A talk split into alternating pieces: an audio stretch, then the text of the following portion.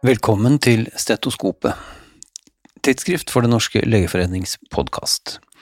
Hver annen uke med Caroline Ulvin Johansson og helseaktuelle gjester i studio, og hver annen uke Redaktørens hjørne der jeg, Are Brean, sjefredaktør i tidsskriftet, gir deg en høyst subjektiv, av og til litt uhøytidelig gjennomgang av de nyeste forskningsartiklene, sakene og debattene i de største internasjonale generellmedisinske tidsskriftene.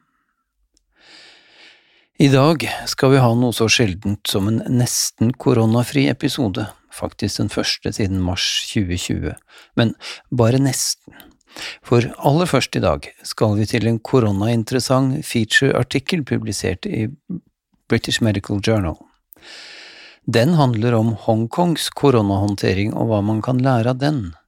For hvordan, spør Rhoda Kwan seg, kunne Hongkong så hurtig gå fra å ha en av verdens laveste til en av verdens høyeste daglige dødsrater av covid-19? Jo, mener hun, svaret ligger i Hongkongs håndtering av vaksiner. I pandemiens tidlige faser hadde byen svært strenge regler for sosial distansering og strenge reiserestriksjoner, noe som ga svært lave infeksjonstall og lave dødstall. Vaksineringen i byen begynte i februar 2021, da byen hadde tilstrekkelig antall vaksiner til å vaksinere alle sine syv millioner innbyggere. Så langt alt godt. Byen hadde valgt to vaksinetyper, nemlig Pfizers mRNA-baserte vaksine og Sinovac, som er en kinesiskprodusert tradisjonell vaksine basert på inaktivert virus. Problemet var at effektdokumentasjonen for Sinovac var svak og inkomplett, med en efficacy, en effektivitet på mellom 63 og 91 prosent, avhengig av hvilke data man velger å ha tiltro til, mens Pfizers Vaksine var veldokumentert. Myndighetene var dels uklare på hvilken av vaksinene de anbefalte, og dels ble hele vaksinevalget politisert. Dessuten ble det kortvarig stopp i forsyningene av særlig Pfizers vaksine, og lokale medier ble etter hvert skeptiske til hele greia og begynte å rapportere alle dødsfall i byen som skjedde etter vaksinering, som om de skyldtes vaksinering, og det er som kjent ikke det samme. Dessuten ble de eldre i byen oppfordret av myndighetene til å la seg helseundersøke før vaksinering, noe som ytterligere økte mistanken om at vaksinering var farlige greier. Resultatet av det hele ble altså en svært lav vaksineringsgrad. I februar 2022 var bare 43 prosent i de eldste aldersgruppene vaksinert. Og de var vaksinert i høy grad med den minst effektive av vaksinene og resultatet ble altså verdens høyeste dødsrate per dag per innbygger. Flere og mer dyptpløyende analyser enn denne vil nok komme av Hongkongs vaksinefeilgrep etter hvert, men allerede her er det flere interessante læringspunkter om samspillet mellom myndighetsinformasjon, medias rolle og publikums tillit. Så over til New England Journal of Medicine, der Lisa Harris, som er professor i gynekologi og obstetrikk ved Universitetet i Michigan, skriver om hvordan amerikanske sykehus nå bør forberede seg på tiden etter Roe versus Wade og et USA der abort vil bli forbudt i mange eh, stater, og Michigan er en av dem. Én ting, én problemstilling man må forberede seg på, er grenseoppgangene mellom hva som er abort på vital indikasjon, som fortsatt vil være lov de fleste steder, og abort på bare så å si vital indikasjon, som ikke vil være lov. Hvor går grensen? Det vet ingen, og ingen har heller lyst til å være den første gynekologen som blir tiltalt og dømt for å ha utført en abort som ikke var tilstrekkelig på vital indikasjon slik som for eksempel i tilfeller med kraftig forverring av underliggende sykdommer hos mor.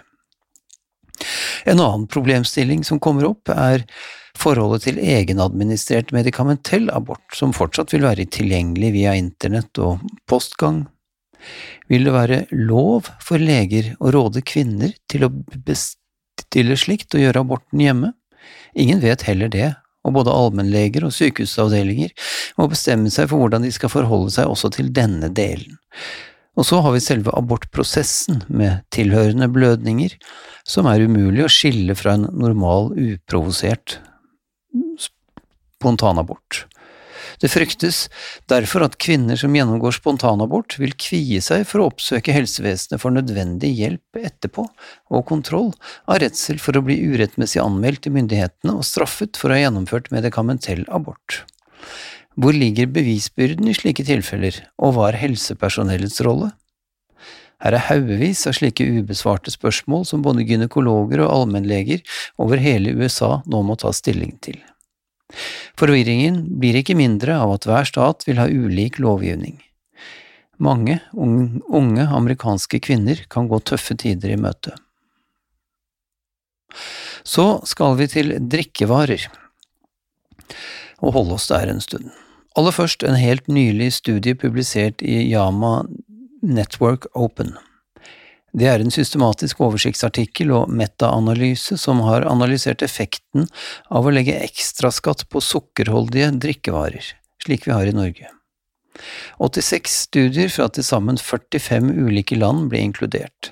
62 av disse inngikk i metaanalysen. Og konklusjonen var entydig.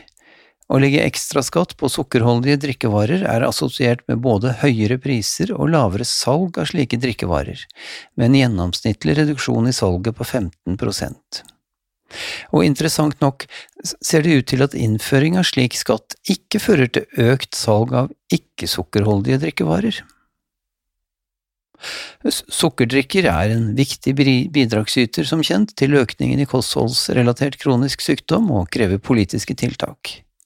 Studien viser at avgifter er et effektivt verktøy for å redusere kjøp av sukkerdrikker, og dermed til å forbedre kosthold og helse. Dette siste skriver Joshua Pettimar og medarbeidere i en ledsagende invitert kommentar også i Yama Network Open. Men vi skal ha mer om drikkevarer, vi skal til Annals of Internal Medicine denne gangen, der en helt fersk prospektiv kohortstudie har studert sammenhengen mellom forbruk av kaffe med sukker, kaffe med kunstig søtning og usøtet kaffe, eh, mot dødelighet av alle årsaker. Bakgrunnen er tidligere observasjonsstudier som har vist en assosiasjon mellom kaffeinntak og redusert dødelighet. Studier som for øvrig ofte siteres i selskapslivet for å understreke kaffens helsebringende virkning. Men ingen av disse studiene har skilt mellom kaffe med og uten kunstig og naturlig søtning, kan det være at kaffens eventuelle gunstige helseeffekter spises opp dersom man sukrer den. I denne studien ble drøyt 170 000 voksne britiske personer uten hjerte-karsykdom eller kjent kreft ved studiestart, inkludert og fulgt opp fra 2009 til 2018. Den korte versjonen av konklusjonen er at de som regelmessig drakk usøtet kaffe, uavhengig av mengde, hadde mellom 16 og 21% mindre risiko for død under en oppfølgingstid på i snitt syv år enn de som ikke drakk kaffe. Dette selvsagt justert for andre livsstilsfaktorer. De som drakk moderate mengder kaffe søtet med sukker, vil si mellom halvannen og tre og en halv kopp per dag, hadde ditto mellom 29 og 31% mindre risiko for død enn ikke-kaffedrikkere. Og resultatene var inkonklusive for de som brukte kunstig søtning i kaffen. Så, ut fra denne studien ser det altså ut til at det å ha sukker i kaffen ikke fjerner kaffedrikkingens gunstige effekter på mortalitet, i alle fall ikke om du holder deg til én teskje sukker per kopp, som var gjennomsnittsmengden sukker i denne søte studien. Og vi skal holde oss til det søte. Prediabetes, denne grensetilstanden med forhøyet HbA1c, men ikke forhøyet nok til å kunne kalles diabetes, har fått økende oppmerksomhet, ikke minst fordi det i denne fasen er mulig å ta forholdsregler, som for eksempel å slutte med sukkerdrikker og sukker i kaffen, som for mange kan gjøre at tilstanden ikke utvikler seg til manifest diabetes. Men hvor går grensen, og hvem bør egentlig screenes for prediabetes? En ny studie publisert i Yama har tatt utgangspunkt i de nye retningslinjene fra den amerikanske diabetesforeningen, og estimert hvor mange som ut fra disse nå bør screenes. De finner at 82,9% av den voksne amerikanske befolkningen bør screenes. Og når man så vet at foreningens nedre grense for å definere prediabetes går helt nede ved en HbA1c på 5,7% ja, da forstår man at landet med verdens dyreste og minst effektive helsevesen er i ferd med å skaffe seg enda flere friske pasienter som må følges opp, og ikke minst at Diabetesforeningen kan gni seg i hendene hele veien til medlemskassa. Nok søtt for i dag, men ikke nok USA. Vi skal nemlig over til et dystert tema, amerikanske masseskytinger som har fått enda et tragisk oppsving de siste ukene. Stadig får vi rapporter om hvor mange som ble drept denne gang og denne gang, men det er langt fra hele historien, for det er sjelden vi får rapportert hvor mange som blir skadd i disse skytingene. Det har en nylig studie, også Yama Network Open, sett på.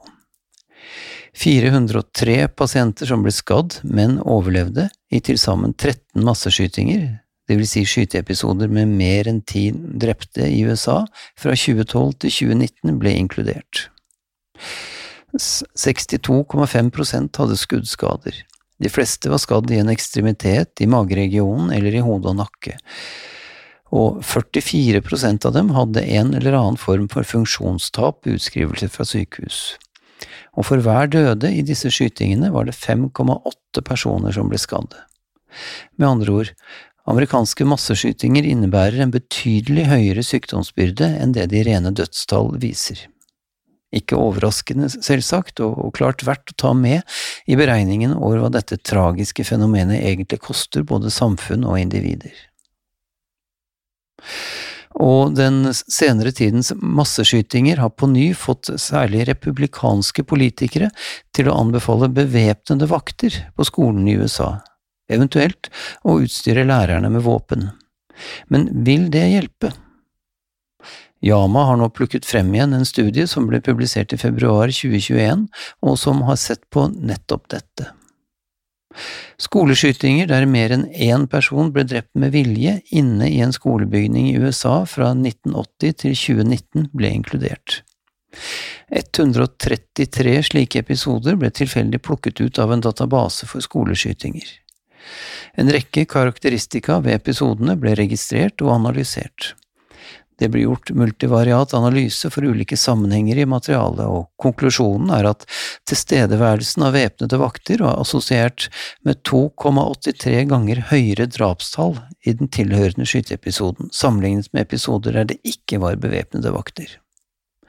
Det er altså ikke slik at væpnede vakter ser ut til å avverge død, tvert imot ser det ut til at et slikt tiltak bare øker sannsynligheten for enda flere døde. Men så politisert som dette temaet har blitt i USA, er det vel tvilsomt om denne type statistikk vil hjelpe særlig på kravet om å utstyre amerikanske skoler med væpnede vakter, dessverre. Nå over til The Lancet, og til en sesong som akkurat nå føles langt unna, men som kommer til å komme om noen måneder, nemlig sesongen for RSV-virus, en årlig tilbakevendende uvenn for barnebefolkningen. Denne Lancet-artikkelen er en systematisk analyse av den globale, regionale og nasjonale sykdomsbyrden av RSV-virus i 2019. Analysen inkluderte data fra til sammen 481 studier. Det anslås å ha vært 33 millioner RSV-episoder globalt i 2019, hele 95% av dem i lav- og mellominntektsland. RSV anslås å være ansvarlig for ett av 50 dødsfall hos barn i alderen 0 til 60 måneder og ett av 28 dødsfall hos barn i alderen 1 til 6 måneder. Hos de som ble innlagt på sykehus, anslås den globale letaliteten, altså antall døde per tilfelle, å være 0,7% og betydelig lavere i høyinntektsland. Globalt er altså RSV en betydelig faktor for barnedødelighet, og vi blir igjen minnet om vår ufattelig privilegerte posisjon som et utrolig rikt land med et velfungerende helsevesen. Over til et annet virus, HPV-vaksinen var omstridt når den ble innført.